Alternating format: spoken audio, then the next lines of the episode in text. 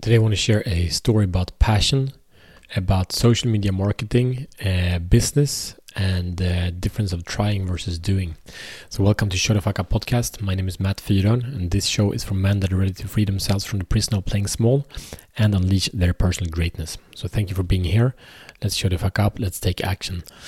So, the past, um, I've been an entrepreneur for about uh, 10, 12 years, and um, actually way started you know when I was 12 as well but but real entrepreneur like profitable businesses for for that amount of time.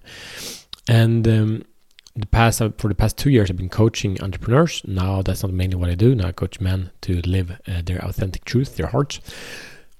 But the past two years I've been coaching entrepreneurs uh, from what I knew and from experience, and I've also been studying and taking a lot of courses and, and read a lot of books in in tactics to improve my skills, and I've been utilizing quite a few of those skills. And then, uh, as you probably know if you're a regular listener to this, I go where fear is where challenges, uh, because that's where I grow, and it's been really beautiful utilizing these tactics I've been studying before uh, in social media marketing. Uh, and my experience from that has been a lot of effort. It kind of felt hard, kind of felt heavy, and I've been having to think a lot.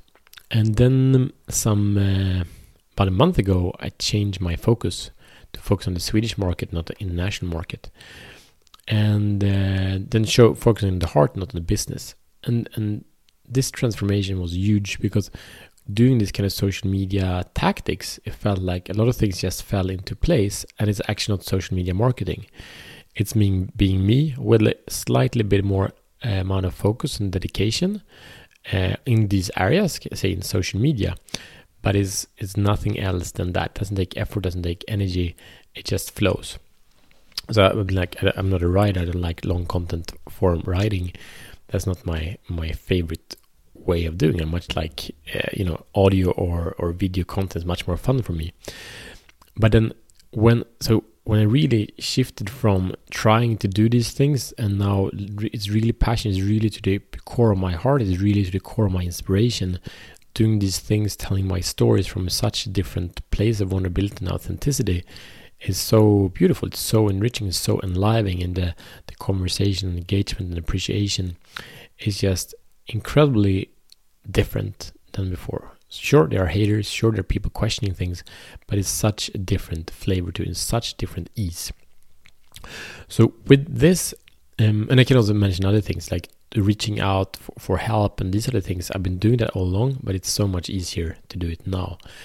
It's not, I'm not trying to fit into something, I am something so therefore i fit into the ones that i'm fitting into. And this is again this is a completely new project for me so it's really exciting and and huge amount of challenges.